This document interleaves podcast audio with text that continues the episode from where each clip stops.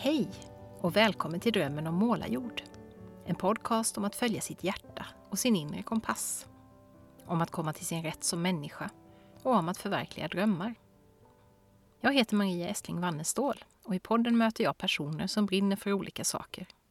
Som vågar lyssna inåt och känna efter vad som är viktigt för dem. Som går sin egen väg genom livet. Jag inspireras av deras berättelser och tankar och det hoppas jag att du också ska göra. Välkommen till avsnitt 93. Samtalet med ingenjören och yogin Maria Hanoman eller Magnus Hjortstam som en del känner honom som. Och som skulle ha kommit för ganska länge sedan, men som fick lite förhinder på vägen. Dels kom det en coronapandemi emellan, vilket ledde till att vi spelade in ett akutavsnitt med poddklanen om hur vi kan hantera livet när världen gungar. Och sen fick jag ett nytt uppdrag som har tagit en hel del tid utöver det jag redan höll på med. Men nu ska du äntligen få träffa Manareya och höra hans spännande berättelse om hur han blev ingenjör för att rädda världen, hur det blev för mycket av det goda och hur han för 13 år sedan hade en upplevelse som har förändrat hela hans liv i grunden. Du ska också få höra honom spela och sjunga för oss. Varmt välkommen till poddstudion som för dagen är inrymd i Manareyas mysiga yogalada utanför Växjö. Och om du hör någonting i bakgrunden så är det det hemtrevliga knäppandet från kaminen vi sitter vid.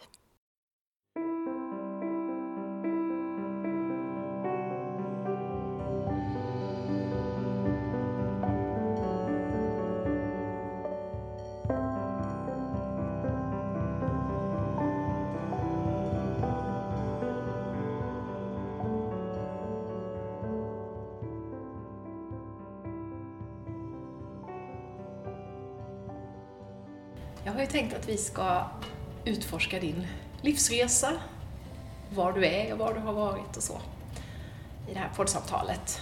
Men jag tänkte jag skulle börja med att ta någonting snabbt och kort, om det går. Dina båda namn är jag nyfiken på. Går det att ta en kort version av de båda namnen och vad det står Ja. för att du har två? Ja, jag är ju född Magnus. Yes. Fått det namnet. Mm. Och eh, det använder jag fortfarande. Och det betyder ju den stora. Just det, det gör det. ja. Så det passar bra tycker jag. Ja. Sen eh, kom jag in på lite andra banor i livet. Och lite andliga banor och sånt. Och då, då dök det här namnet Manereya upp. Och det var en vän till mig som kanaliserar och hon såg att eh, det är mitt själsnamn. Ja. Det tog några år innan jag tog till mig det på allvar och kände att det var sant. Men eh, nu känns det sant. Och då har jag fått veta inifrån också då att det betyder han som kommer med kärlek. Mm. Fint. Så det, det känns som ett bra namn. Ja. Sen har jag ett efternamn också, Manareya Hanuman. Ja. Då. Och det är en annan kompis till mig som han har kallat mig för Hanuman väldigt länge. Det är en vedisk figur, en väldigt stark personlighet som, som kämpar för att få tillbaka kärleken i livet, kan man säga. Så det blir ett slags dubbelt kärleksbudskap i för och efternamnet där då, att det Ja, finns med i båda. Kanske så. Ja. Men det tog också flera år innan jag liksom kunde känna att jag kunde gå med på att kallas så. Ja, just det. Men nu så nu har jag gått med på det. Men i vanliga livet eh, så kallas jag för Magnus också. Ja. För att det är ingenting jag skäms för eller så. Och familj och vänner och sådär, det varierar det då? Ja, familj och gamla vänner, då är det ju Magnus. Ja. Men eh, om man säger nya vänner inom den här sfären så är det det. mest Manereya Ja. eller Hanuman. Fast ibland dyker Magnus upp också Ja. så det, det går bra. Ja. ja, men det är jättespännande tycker jag. Jag har ju varit med om en process nu när ett barn har, eller håller på att byta kön. Och då har vi vant oss i familjen vid att den personen som fanns har nu ett helt nytt namn. Men där vill man ju inte alls, han vill ju inte alls veta av sitt gamla namn. Så det kan bli sådär, då kan, om man råkar, nu säger vi aldrig fel, men om någon annan råkar säga fel någon gång så kan ju det bli väldigt sårande eller jobbigt för det väcker en massa minnen och sådär. Men den grejen har ju inte du då, utan du har liksom båda de här namnen och identiteterna på något sätt Ja, inom dig. och det känns som så får det fortsätta vara. Ja, Jag kommer fortsätta heta legalt Magnus. Just det, du har inte tänkt ansöka om något namnbyte på Nej, jag tror inte det. Jag har funderat på det, men det Ja. tror jag inte blir. Det, det är ju faktiskt ganska många, tror jag, fler och fler som faktiskt byter namn. Sådär, jag har flera i min bekantskapskrets som har, som har gjort det också. Men eh, kanske inte så vanligt att man också har kvar det gamla då. Så det är Nej. spännande tycker jag. Ja du Magnus, var ska vi börja någonstans annars då? Den här ingenjören i dig pratade vi om när vi satt vid köksbordet förut. Den, är det Magnus då som är den? Ja, den började redan eh, någonstans i sjuårsåldern skulle jag tro. Var väldigt intresserad av allt tekniskt hemma. Särskilt sladdar och lampor. Sen kom oljekrisen 73 tror jag det var. Och då var jag väldigt engagerad i det här att spara energi och eh, kom också miljötänkandet in. Och jag kände väl redan då att jag var en ingenjör som ville hjälpa, eller skulle bli en ingenjör som kan hjälpa till att göra bättre Mm. saker för världen. Så det var det jag höll på med ända tills jag gick i väggen. Ja. Tror du att det är en vanlig ingång bland ingenjörer, att man har alltså inte bara det tekniska intresset utan också det här vad man vill använda det till, vad man vill göra med det? Har du en uppfattning om det? Det är nog väldigt olika Ja. tror jag. Det är ju en eh, utmaning också. Det är en rolig utmaning som sådant att lösa tekniska problem. Mm. Men för mig var drivkraften, jag visste det redan när jag var barn, jag ville Ja. uppfinna för världens nya energisystem. Ah, wow. Sen kanske jag aldrig kommer få göra det, men det var liksom min dröm som Ja. tioåring. Det är häftigt att ha en sån stark Mm. eh, känsla redan så tidigt. Så vad hände längs vägen då? Ja, jag skaffade en fru redan i tonåren och vi är fortfarande tillsammans. Mm. Och vi fick tre barn. Och så flyttade vi hit till Växjö. Och innan dess så studerade jag teknisk fysik som civilingenjör. Jag höll på också att tävla skidor och orientering så Jaha. som bakgrund. Är van vid att köra hårt och pressa lite till. Mm. Sen flyttade vi hit eh, och jag började jobba på ett stort företag här som tillverkar reningsutrustning för rök från fabriker, och kraftverk och industrier. Och där jobbade jag i 25 år. Men efter ungefär hälften där så gick jag i väggen för jag ville så väldigt mycket. Ja, det var den där skidåkaren som... Ja, skidåkaren och intresset att jag Ja. ville vara med och utveckla det nya och jag fick utmanande roller som var jätteroligt och jag tog i lite för hårt. Mm. Så då gick jag i väggen och fick tänka efter lite. Mm. Och då hörde jag en röst inne i mig själv som sa du kan inte rädda världen. Den enda du kan rädda är dig själv. Ja. Och endast så kan du rädda världen. Så då insåg jag så småningom att jag måste ta hand om mig själv först och förändra mig på något sätt. Exakt vad det var visste jag väl inte, men jag kände starkt att det var det som behövdes för att jag skulle kunna, så att säga, förändra världen. Mm. Och det är väl den resan jag är på nu, men jag är fortfarande ingenjör ja, och jobbar nu som egen företagare, hälften ingenjör och hälften med yoga, meditation. Jag jobbar också med healing och olika typer av andlighet. Det här när du hörde den där rösten, vad var det som... Alltså, hade du tagit ett kliv tillbaka då? Hade du blivit sjukskriven? Eller hur, hur, liksom, hur kom du till att uppfatta och börja lyssna på det som fanns där på insidan? Ja, när jag gick i, i väggen så, så insåg jag med, med vanligt sunt förnuft att jag måste göra någonting för att stanna huvudets alla tankar. Jag var inte deprimerad eller så, men huvudet bara tänkte och tänkte och skulle lösa alla problem. Särskilt ingenjörsproblem och sånt på jobbet. Jag kunde inte sova. Jag kunde inte fokusera längre för att jag var alltid trött och bara tänkte på allt möjligt. Så jag insåg att jag måste göra någonting och då hittade jag en meditationskurs som jag gick på. Och då hade du aldrig gjort någonting sånt Nej, tidigare? Nej. jag hade aldrig gjort sånt innan. Men det hände någonting på den kursen. Jag fick en sekund av tystnad efter halva kursen. Och då visste jag att dit ska jag. Och nu närmar jag mig det. Ja. Det är 15 år sedan. ja.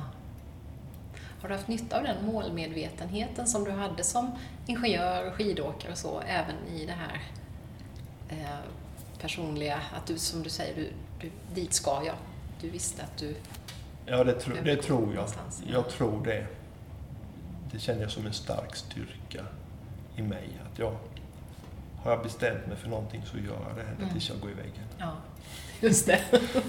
Men du kommer inte gå i väggen som yogalärare hoppas jag? Nej, jag Eller?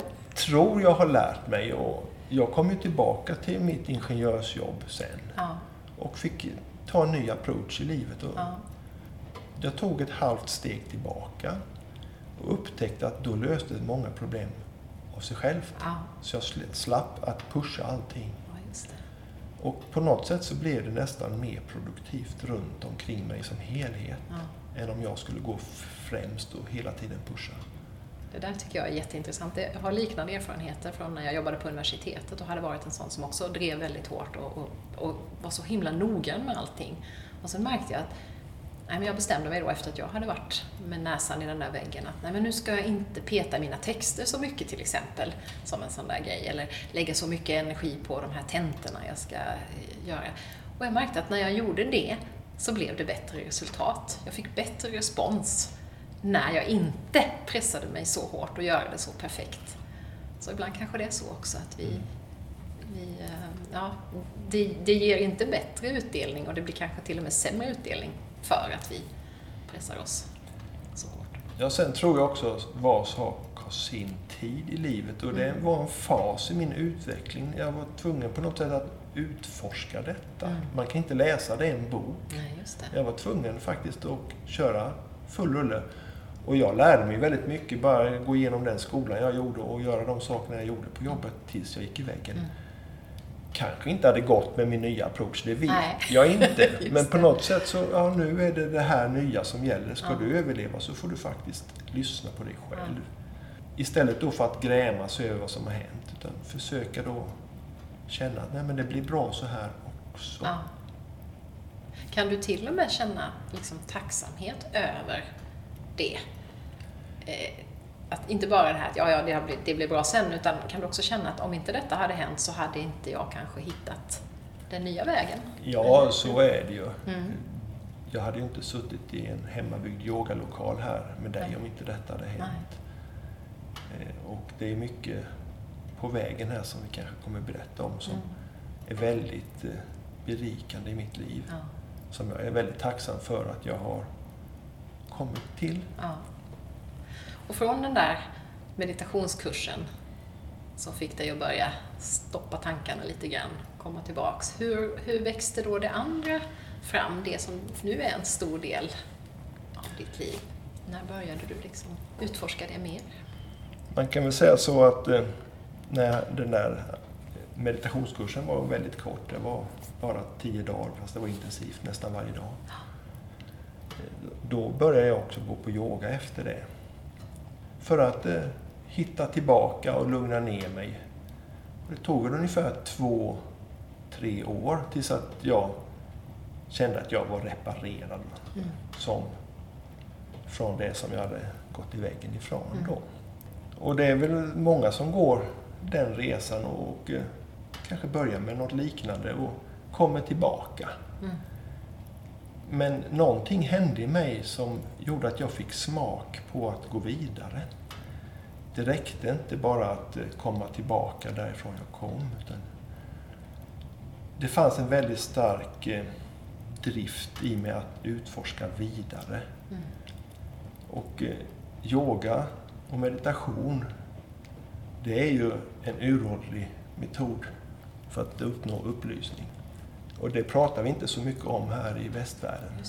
Vi tror att det är kanske en må bra-metod. Och det är det ju också. Precis. Men för mig var må bra första steget. Ja. Nästa steg är att gå vidare och utforska detta Ja. djupare. Just det. Hur gjorde du det då? På vilket, hur tog det sig uttryck där i början? Ja, det, som ingenjör så var det ju förbjudet att tro på Gud. Ja, Så det gjorde ju inte förstås. jag. Vetenskapen. Det gjorde ju inte jag. Nej.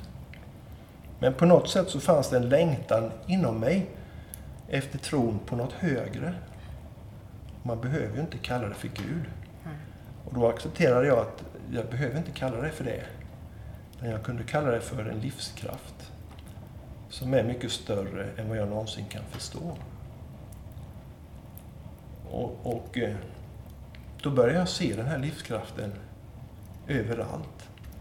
Och för mig var det lättast att se det i naturen. Mm. För den säger inte emot. Den har ingen eget eh, egosinne som vill tala tillbaka. Det. Så det var mycket lättare för mig att se, acceptera att det fanns en livskraft som fick träden att växa och blommorna att blomma. Mm. Och eh, så började jag fundera på, på detta.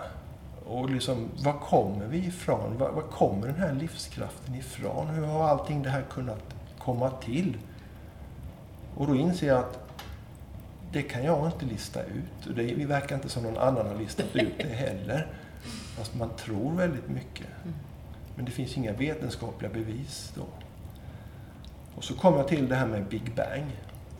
Då tänkte jag som ingenjör då att ja, men det kom ju ur Big Bang. Men det verkar inte som någon forskare eller någon kan exakt säga vad som fanns innan. Innan, eller nej. varför det fan, finns, vad som hände. Just det. Och då kom jag till ett livsavgörande insikt. Att jag kommer aldrig förstå. Och jag behöver inte förstå. Nej. Och då lättade enormt. Och bara det gjorde att jag helades från den här stresstraumatiska Ja, gå i väggen-grejen. som jag hade. just det. Vilken lättnad. Ja, att jag behöver inte lösa allting. Nej. Det är inte bara jag som ska fixa någonting, utan det finns något mycket större som jag tillhör. Ja. Och då, när jag hade kommit dit, då började jag se det som en del kallar för Gud i allting. Mm. Särskilt i gröna löv som växte upp och öppnade sig mot solen och sög in solens energi och omvandlade det till, till ved i trädet. Liksom. Ett mysterium, helt fantastiskt. Så jag blev kär i den kraften. Mm. Och då hände det någonting väldigt, väldigt starkt. För då, en natt när jag låg och sov, 2007, 8 maj, så kom ett extremt starkt kristallklart ljus rakt in i bröstet. Ja. Kraftigare än någon blixt du någonsin har sett. Ljusare än något ljus du någonsin sett. Kristallklart glittrande. Och jag bara, bara ja. Och väckte dig eller? Ja, eller väck, jag låg och sov och jag väcktes ju. Ja. Och eh, började skrika. Och det var ju liksom något väldigt omtumlande. Mm. Och jag gick upp, för jag var tvungen att dricka vatten. Och hela huset var precis fullt av andar och energier. Jag kunde inte sova mer den natten. Och sen dess har jag fått jobba dagligen med att närma mig den här kraften. Mm. Som så småningom resulterade i att en, en annan kraft i mig väcktes som heter kundalini. Det hände ett halvår efter det här ljuset kom in i mig. Sen tog det ungefär sju år för mig att få den här kundalinikraften att flyta lugnt och sansat, relativt lugnt och sansat. För att till sist komma upp i hjärnan. Mm. Och då öppnas en helt ny verklighet. Då ser man att vi hänger ihop på ett helt annat sätt än vad jag gjorde innan. Mm. Men den här resan är inte färdig för mig, utan det håller på att öppna sig hela tiden. Ja. Så säger inte att jag är färdig på resan, men jag börjar titta upp lite ur Just det. upp i detta. Kommit en bra bit på väg. Ja. Ja. Och kundalini det är ju någonting som många har stött på i något sammanhang, tänker jag. Man har gått på kundalini-yoga kanske. Jag vet att jag har fått kundalini-reiki någon gång. Eh, Kan man, går det att definiera? Går det att beskriva det? Ja, Vad är det som händer när man gör ett kundalini, just ett kundalini-yogapass till exempel, mm. jämfört med ett annat? jag ska försöka se om jag kan Det kanske är se svårt. mina synpunkter eller tankar om det. Ja. Det finns så många olika Ja. uttryckssätt och så, så jag menar inte att det jag säger är det enda eh, sanna eller enda rätta, men man brukar säga, och det känner jag också, att det finns en slumrande energi i kroppen som heter kundalini. Och den ligger längst ner i rotchakrat, i sakralchakrat. Mm. Och den kan väckas upp. Om man då går på kundalini-yoga-klass eller gör andra kundalini aktiverande övningar så kan man ju börja kittla lite på den här kraften. Men det är inte alls säkert att den växer upp för det. Nej. Men den kan också släppas upp lite grann. Men inte frigöras helt. Det som hände i mig, jag kan inte se något annat än att det var att den frigjordes helt. Mm. Fullständigt helt. Och eh, det var väldigt omvälvande händelse. Mm. Jag har skrivit en bok om också. Och det är alltid svårt att referera till andra för att varje kundalini-resa är unik. Mm.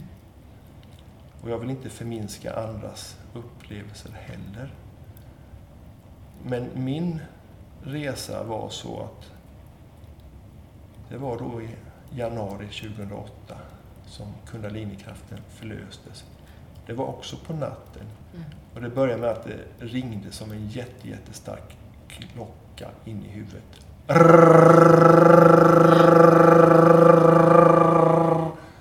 Och jag vaknade. Trodde att det var väckarklockan. Ja. Så jag tog väckarklockan. Stängde av, men det hjälpte ju inte. Nej. Tog jag ut batteriet och det hjälpte inte. Det bara ringde så i huvudet. Och sen så exploderade hela rotchakrat ner i benen och helt, het lava strömmade ut. Jättehet lava, så jag trodde jag skulle brinna upp. Ja, du kände det rent fysiskt så. Ja. Men jag visste inuti mig att det här är förlösande. Så jag bara tackade för det. Och sen dagen efter så sändes det en bön i huvudet till mig på automatskrift. Men då hade jag ingen penna. Mm. Så då sändes den igen dagen efter och då skrev jag ner den. Jag skulle kunna ta den Det får du jättegärna göra. Så jag fick höra en inre röst som sa du ska skriva ner det här, den här bönen och du ska be den varje dag. Herren Gud min skapare, giv mig kraft att ödmjukt utföra det uppdrag du mig givet. Ge mig tålamod i motgång och ödmjukhet i framgång. Hjälp mig att se människorna som de kärleksvarelser som de är. Och hjälp mig att inte döma någon, ej heller mig själv, ty vi jobbar alla efter bästa förmåga. Bevara mig från egots frestelser, utan låt mig ödmjukt få tjäna dig och dina ljussjälar. Tack för jag får vara ett av alla dina verktyg i din kosmiska kärleksplan, som är oändligt mycket större än jag någonsin kan begripa. Hjälp oss jordvarelser att hela vår mod så hon kan fortsätta föda oss i din kärlek. Amen. Fint. Mm. Och när du säger Herre, när du säger Amen, det är ju ord som vi kanske förknippar med den kristna traditionen. Men är det fortfarande så att du känner att det här är en mer universell, icke eh, definierad utifrån religiösa eh, perspektiv? Så. Jag känner att det här är en universell kunskap. Mm. Och den här universella kunskapen använder sådana ord som vi kan känna igen oss i Ja. och peka på. Och då finns det olika traditioner och olika religioner som har skaffat olika uttryckssätt. Precis. Och sen har det för, ja, förvaltats inom traditioner på Mm. olika sätt. Då. För att vi människor behöver det på något sätt. Vi behöver det där som vi kan sätta ord på, eller vad tror du? Ja, vi behöver någon form av hjälp, någon form av rättesnöre. Och då har ju det skapats olika religioner. Och jag känner att jag vill tillhöra alla religioner, Mm. i stort sett i alla fall. Så som de var tänkta från början. Mm. Men sen finns det då fall där man kanske människans kontrollbehov har skruvat åt reglerna lite mer än vad jag tror eh, den ursprungliga läraren Mm. hade tänkt. Så att eh, jag brukar säga antingen tillhör jag ingen religion eller alla. Mm. Men jag vill inte förkasta dem. Nej. Men däremot så vill jag inte underkasta mig alla du måste göra så här och så här och så här. Vars och ens regler som är så mer tydliga i, kanske i vissa religioner än i andra, men ibland kan Mm. ställa till en hel del också. Men jag känner att jag kan hitta mycket fint i de flesta religionerna. eller traditioner som jag träffat på. Då. Mm. Jag har ofta också slagits av det här att essensen på något vis är densamma i alla. Att det är så tydligt att det är, men det är kärleksbudskapet och det är mycket av det här som återkommer. Så kan vi inte bara acceptera alla olika uttryck för dem. Det tycker jag är väldigt tilltalande när man läser på din hemsida också. Att det är det som du uttrycker så starkt. Att Mm. det är kärleken som är det viktigaste och sen kan det här ta sig olika uttryck. Ja.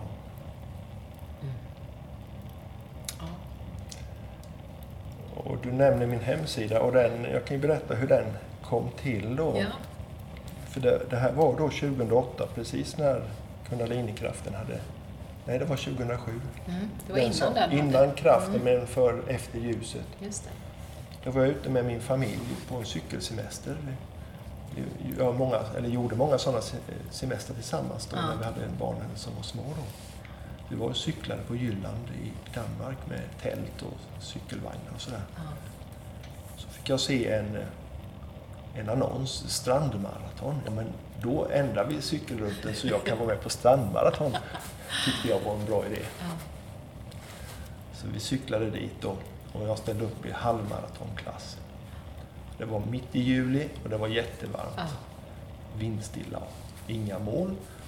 Och vi sprang på sanden. Och det är ju två steg fram och ett bak Ja, ungefär. Jag blev ju helt utmattad. Och då började solen prata med mig. Ja.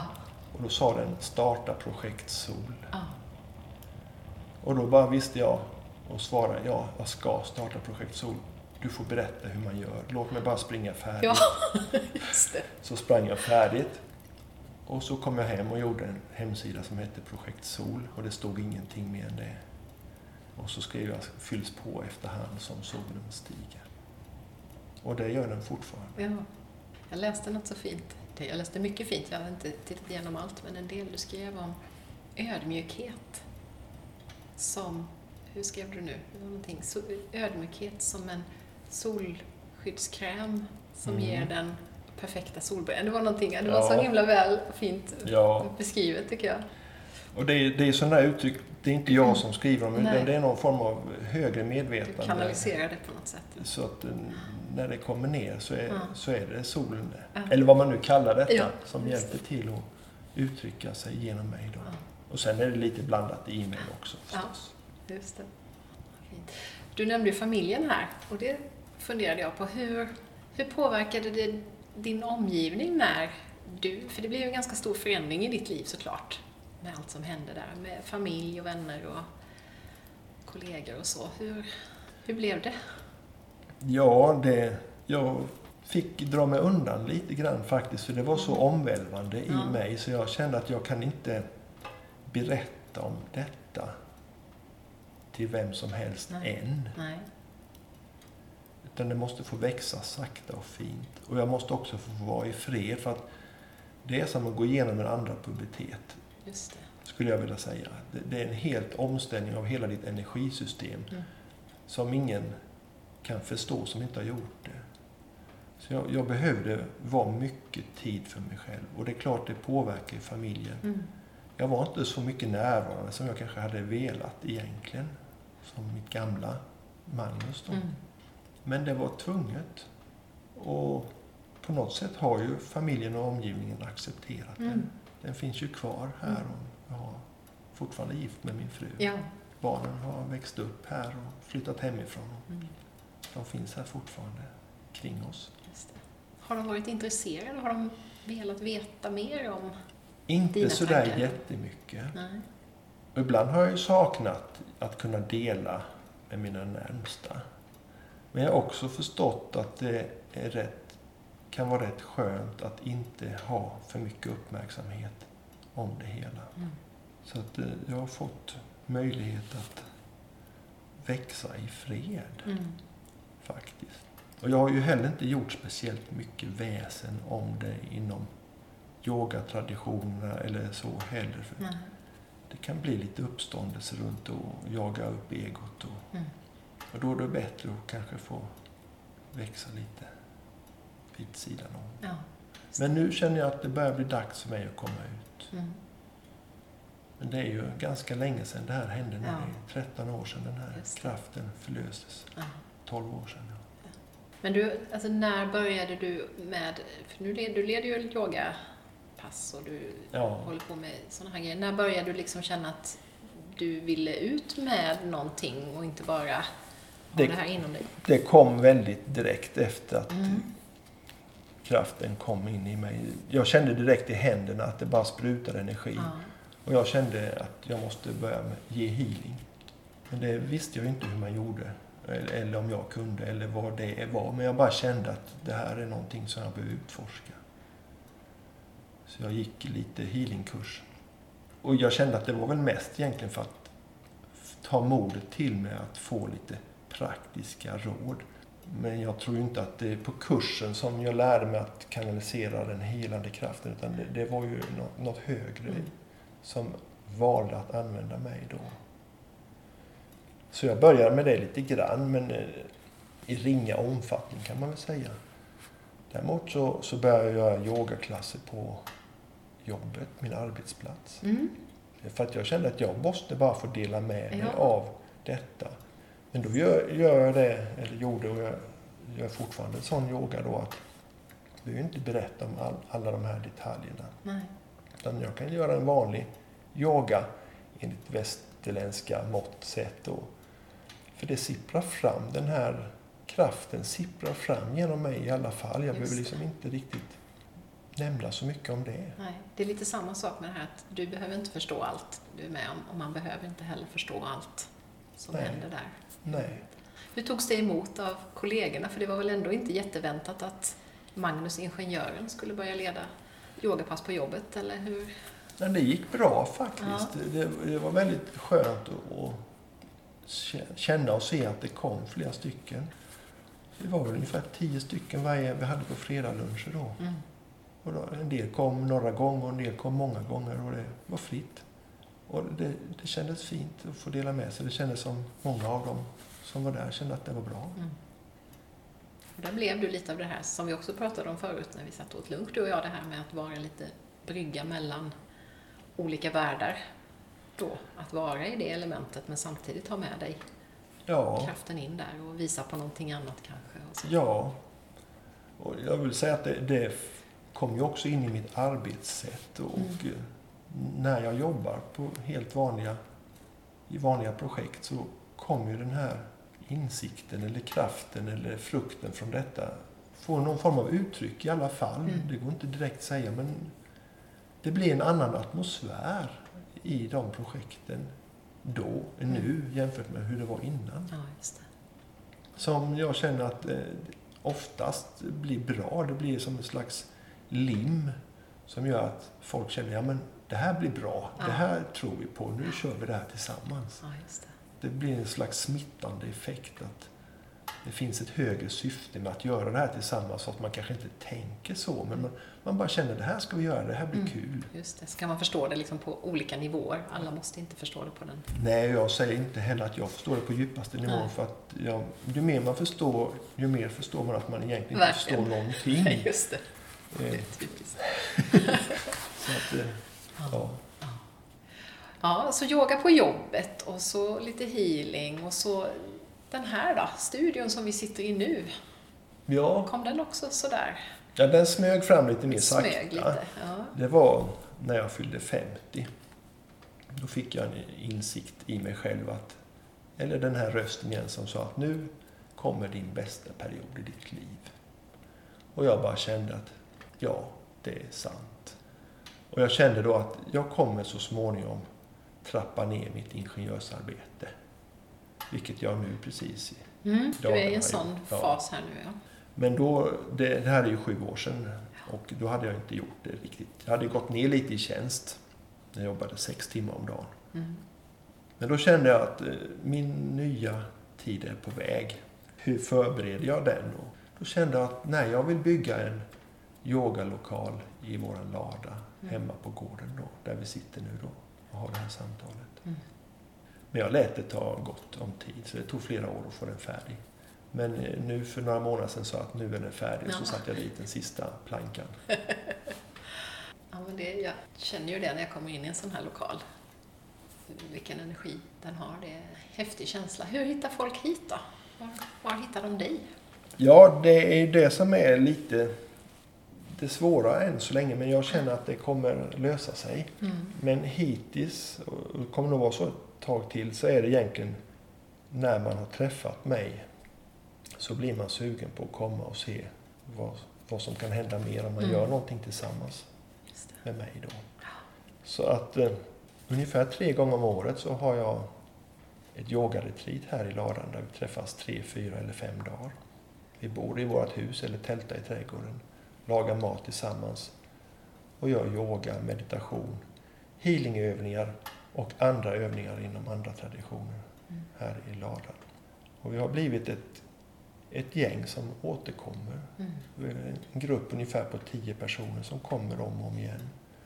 Där vi hjälps åt då att leda. Så en del gör yoga, en del gör ja, en shaman som kommer hit och gör trumresor och Mm. shamansk healing. Och, och eh, vi sjunger också en hel del. Jag, jag tycker om att sjunga. Mm. Jag har faktiskt varit på ett pass på Ananda Ja. yogastudio där du och några till höll i någon mantrasång tror jag. Ja, Ja. så det är också ett verktyg som vi använder här då. Vi får se om vi hinner spela lite innan den här stunden är Precis. över. Så på det sättet så har folk hittat mig för de har träffat mig och då får jag ju vara ute och visa mig lite på olika ställen. Dels för min egen förkovran men också för att visa att jag finns. Mm. Ja, jag tror och känner att det så småningom kommer det spridas så att rätt personer hittar mig. Mm. Och då är jag redo egentligen att expandera och åka ut på olika retreatplatser runt om Mm. och kanske behålla det här som mitt hem Mm. och ha lite i mindre skala här. Det, vi får se hur det utvecklas. Mm. Nu har jag också då, sen jag slutade mitt, min anställning som ingenjör, så har jag haft en yogakurs här nu åtta måndagskvällar i rad. Och då har det kommit gamla kompisar till mig och min fru då, Mm. som har varit på ganska traditionell, vanlig västerländsk yoga. Ungefär som den jag hade på kontoret då innan. Och det känns fint att serva med det också. Mm. Så det, det kommer jag ju också fortsätta med här. Ja, just det. Hur upplever de skillnaden när de kommer till den här typen av yoga som du De, jobbar med nu? många av dem har inte gjort så mycket yoga innan. Så de tycker det är skönt att komma hit. Mm. Och det är ju jättefint att få dela med sig och visa till sådana som kanske inte hade gjort yoga annars. Mm. Och några andra kommer från andra ställen och varit på andra ställen. Och många tycker att det, det är skönt, lugnt och behagligt här. Det är lite mer stilla, lite mer tid, lite mer, lite mer meditativt skulle Mm. jag vilja säga. Men det uppfattar ju var och en på helt olika sätt. Mm. Men om jag själv sätter ord i så vill jag ge mer plats för att lugna ner oss och hitta in i en metod där vi själva känner att ja, jag kan lugna ner mig själv. Jag kan våga stanna i tystnad en liten stund. Det behöver inte hela tiden hända någonting hela tiden. Och det kanske är ett extra stort behov av det idag, tänker jag, när vi är så matade med intryck hela tiden. Att det kanske är ännu svårare för oss att våga lämna det Ja, utrymmet. Det är det och vi är rädda för att vi inte kanske är tillräckligt effektiva eller, eller gör tillräckligt mycket. Så jag känner att en av mina uppgifter är att kunna tillhandahålla lite lugnare övningar även inom yogabiten. Men särskilt om man jämför då med gym och sådana Mm, saker så vill jag kunna erbjuda en, en lugnare form av fysisk och mental aktivitet. Mm. För jag känner att det är en bristvara i världen. Mm. Verkligen. Tror du att gymyogan är ett steg på vägen? Att det blir de som börjar där som kanske aldrig hade hittat hit men som kommer dit för att de har gått på gymmet och sen vill någonting mer, någonting mer själsligt eller meditativt eller så. Det kan det det. absolut vara. Men jag säger inte heller att eh, gymyogan, eller vad man nu ska kalla den, inte är bra som den är. För den fyller ju en roll Mm. I just det som den gör också. Mm. Så jag vill inte säga att det borde vara på något annat sätt. Nej. Men det kan ju vara så att man i, genom sitt liv upplever och lär sig olika saker och det ena ger det andra. Mm. Man får smak. Det var ju så det var för mig Ja, också. precis.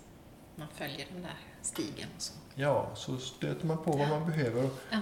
Nu har jag börjat gå på vanligt gym för jag börjar Ja. känna att nu börjar mina muskler bli lite trötta så nu måste jag också Ja. gå på gym och det är inget dåligt Nej. med det. Nej, just det.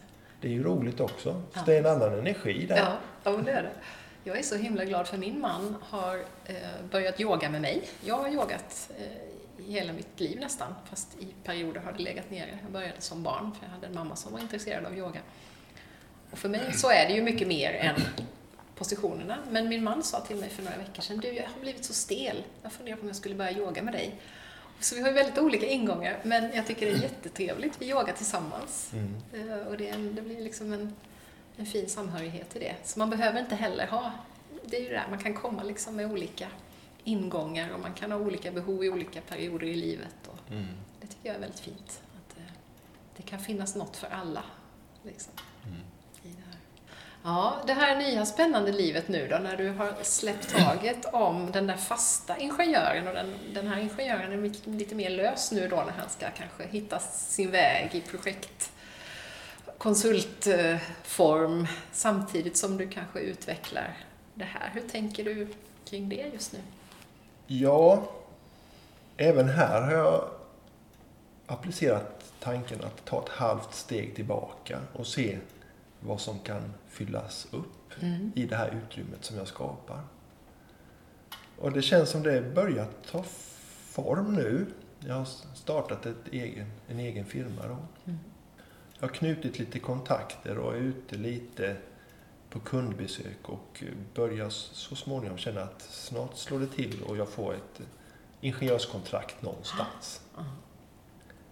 Eh, Parallellt med det så har jag ju fortsatt erbjuda mina yoga och healing och eh, sådana grejer. Mm.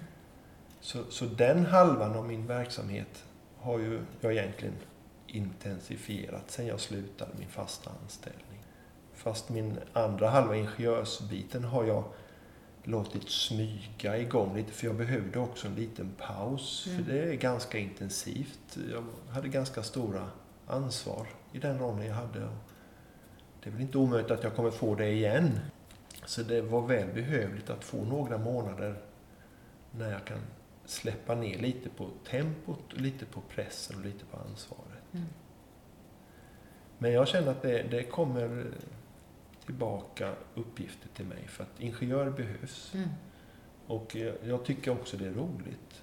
För jag är ingenjör Ja. i botten. Och jag känner att det, det är väldigt skönt att kunna ha båda de här sidorna, både höger och vänster hjärnhalva, eller manliga, kvinnliga, eller mjuka och hårda, strukturerade och lössläppta. För då blir man hel. Mm.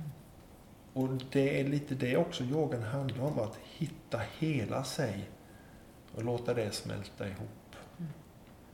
Och då brukar man, en del säga att då föds det inre barnet, när det kvinnliga och manliga i dig själv får ta lika mycket plats. Striden är över, då föds det inre barnet. Mm. En väldigt fin Mm. bild. Mm. Alltså det, är, det, är mycket, det är mycket nytt, känns det som, samtidigt som det, det gamla finns kvar. Men det, det tar sig liksom nya Ja, vägar och former och uttryck. jag känner inte att jag har förkastat någonting i mitt gamla liv och tagit avstånd till, utan jag har snarare lag, lagt till Mm. Nya delar av mig som jag inte riktigt visste fanns. Nej. Har du också känt att du har liksom, när man till viss del i alla fall och byter spår, så lär man ju ofta känna nya människor också. Så att har du liksom, har din, dina sammanhang, ditt umgänge förändrats eller har du mycket kvar av det gamla? Hur ser, hur ser det ut? Så?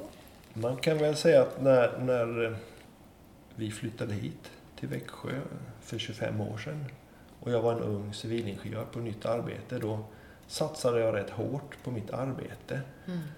Och i och med det så sjönk lite av mitt gamla umgänge undan. Jag kommer från en annan stad och var aktiv idrottare inom skidorientering. Och det släppte jag lite då och satsade ganska mycket på jobbet. Sen har vi ju familjen, en, en del umgänge. Och det har ju funnits kvar. Det byggdes ju upp när vi flyttade hit och skaffade barn. Det, mm. Och det har vi kvar. Men vad som händer nu då är ju att sen jag började med yoga och meditation så växer det upp ett nytt mm. umgänge. Men det är lite annan typ av umgänge. Den ser inte riktigt likadant ut. Det kan se, givetvis se ut på väldigt många olika sätt. Men för mm. mig så är det ju inte det där att man träffas varje vecka och gör någonting tillsammans. Utan vi träffas lite då och då runt om året mm. på olika ställen i världen. Och då är det jätteroligt och sen så åker man hem eller åker någon annanstans och lever vidare. Så det, det är mm. liksom inte lika tajt. Nej, det. det är lite friare umgänge. Men det är också väldigt många fler. Mm. Men det kan ju också vara att jag har ändrats lite personligt. Innan kanske jag var mer att man var med en viss grupp mm. och så var man med den. Men i och med den här öppningen som hänt i mig och mitt medvetande så är jag mer intresserad av att möta andra utan att för den skulle behöva knyta fast mig vid att nu ska vi alltid träffas eller göra på ett visst sätt. Just det. Mm. Ja, det känner jag igen mig också. Att, ja, men det blir på ett annat sätt och det blir... Jag vet inte, jag har upplevt det ibland att det, det man kommer närmare människor snabbare än vad jag upplevde att jag gjorde tidigare. Man kommer snabbt in i samtal om viktiga saker eller eh, så. Jag tycker ja. att det, har, ja, det, det, upplever jag att det har, sammanhangen har förändrats sen jag har inte gjort en sån genomgripande transformation som du har gjort, men jag har ändå förändrat mitt liv ganska mycket de senaste 8-10 åren. Och, ja, det, det, det är en förändring i en ganska stor del av de sammanhang som jag vistas i nu, tycker jag. Och det är väldigt spännande att följa det och ha lite, någon som sitter lite vid sidan av och, och observerar och reflekterar över det också ibland. Så här, Jaha. Mm. och nu är du i en sån där fas när du vill möta. Och nu är du i en sån där fas när du behöver dra dig in någon ditt skal och inte vill lära känna nya människor alls. Jag tycker det har, det har liksom gått i, i faser och perioder. Mm. Ganska tydligt de sista åren. Och jag känner mig väldigt vägledd. Ja. Jag behöver inte pusha så mycket längre utan det finns en inre styrka, en inre röst som ser till att om jag bara tar det lite lugnare så kommer ja. allting. Och jag vet, när du sa att du vill ha en podd, ja det mm. vill jag för det visste jag att det låg i den linjen. Mm. Jag känner som så att jag har sagt ja till universums skapande kraft. Och då säger den, det, det, har ju alla på något sätt som har kommit till jorden. Mm. Men, men, i alla fall, så för min del känns det som att när jag säger ja till det här, då visar universum mig olika möjligheter som små skyltar. Uh -huh. Här är en möjlighet, men jag, det är jag som, som väljer. Som väljer fortfarande, just det. Men det är mycket Precis. lättare för mig att välja nu. Och jag behöver inte som tidigare skriva en lång lista på möjliga skyltar som skulle, jag vill ska Nej. dyka upp. Utan jag låter dem dyka upp. De kommer ändå, ja. För då kommer de när, i rätt tid. Just det, precis så. Och det kan inte jag lista ut i mitt huvud vad som ska vara i rätt tid, utan det kommer när tillfället ges. När tillfället ges och jag stannar upp och vågar lyssna. Och då blir det mycket bättre. Ja. Det blir mycket lättare. Man behöver liksom inte tänka så mycket. Som nu när du kom. Jag visste ju inte. Ska jag sätta mig och tänka vad vi ska prata om? Nej, det går Nej. inte. Men det är bara att träffas och se vad som händer. Mm. Och det gör livet väldigt, på en gång tycker jag, både tryggt och spännande. Mm. För att å ena sidan så finns det en tillit och en trygghet i att det blir som det ska. Och det finns mm. också någonting som är spännande, för det är inte heller jag som har tänkt ut allt i förväg, utan jag följer dem där. Jag ser det precis som du med de där små skyltarna. Eh, jag brukar prata om att gå på skattjakt och jag får de där små skatterna som jag hittar och som visar vägen på något sätt. Mm. Ja, kul, spännande. Ja, det är, det är faktiskt riktigt roligt att leva. Ja, det är det. Visst är det. Ja.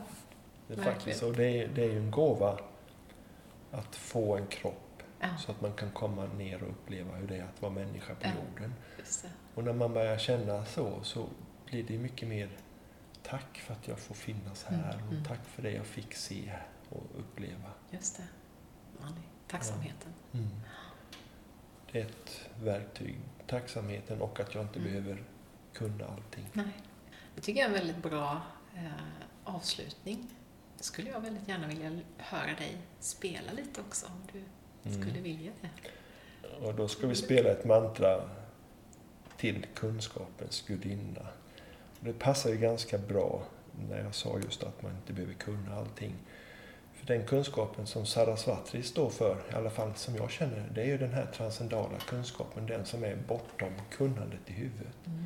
Den som är större. Så jag plockar fram harmoniet så ska vi se om vi kan sjunga lite tillsammans här.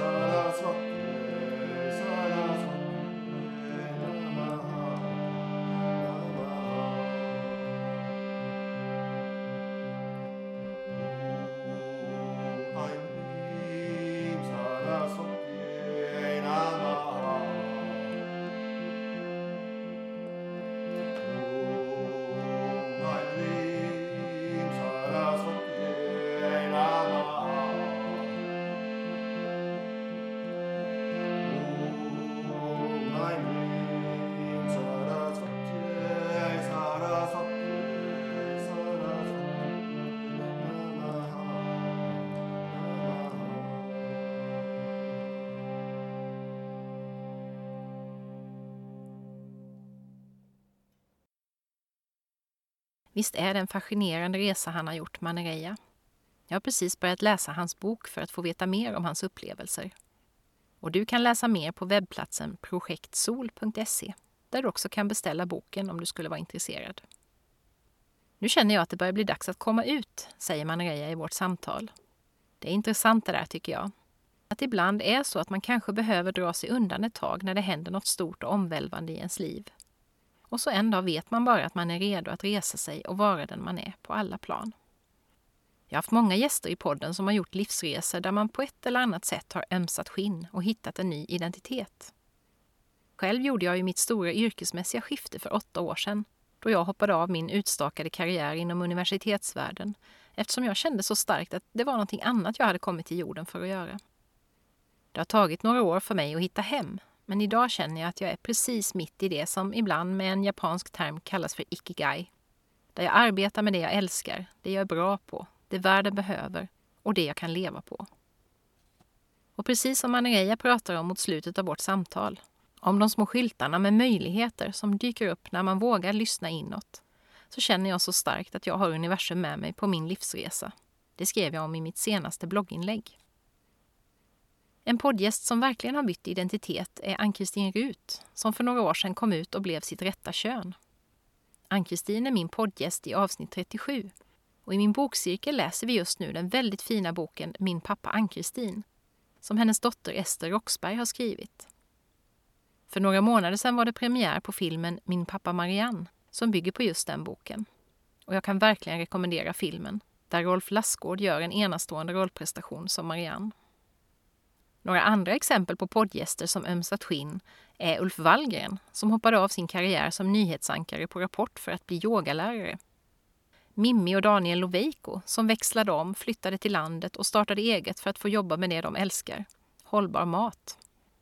och Magnus Hjort som lämnade allt och flyttade till en jurta för att bygga upp ett helt nytt liv i ett helt annat tempo. De flesta människor jag har mött som har förändrat sina liv radikalt på ett eller annat sätt har gjort det efter en livsomvälvande upplevelse av något slag.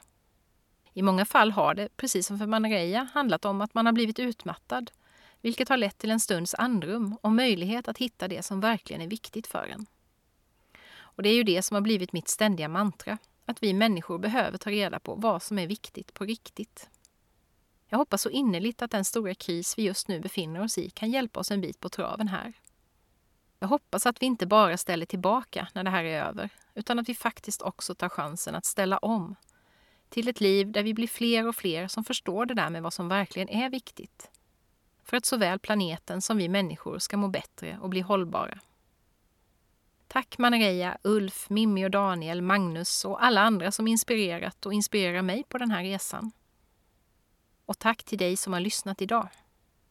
Gå gärna tillbaka och botanisera bland de otroligt många samtal jag har haft med kloka och intressanta poddgäster.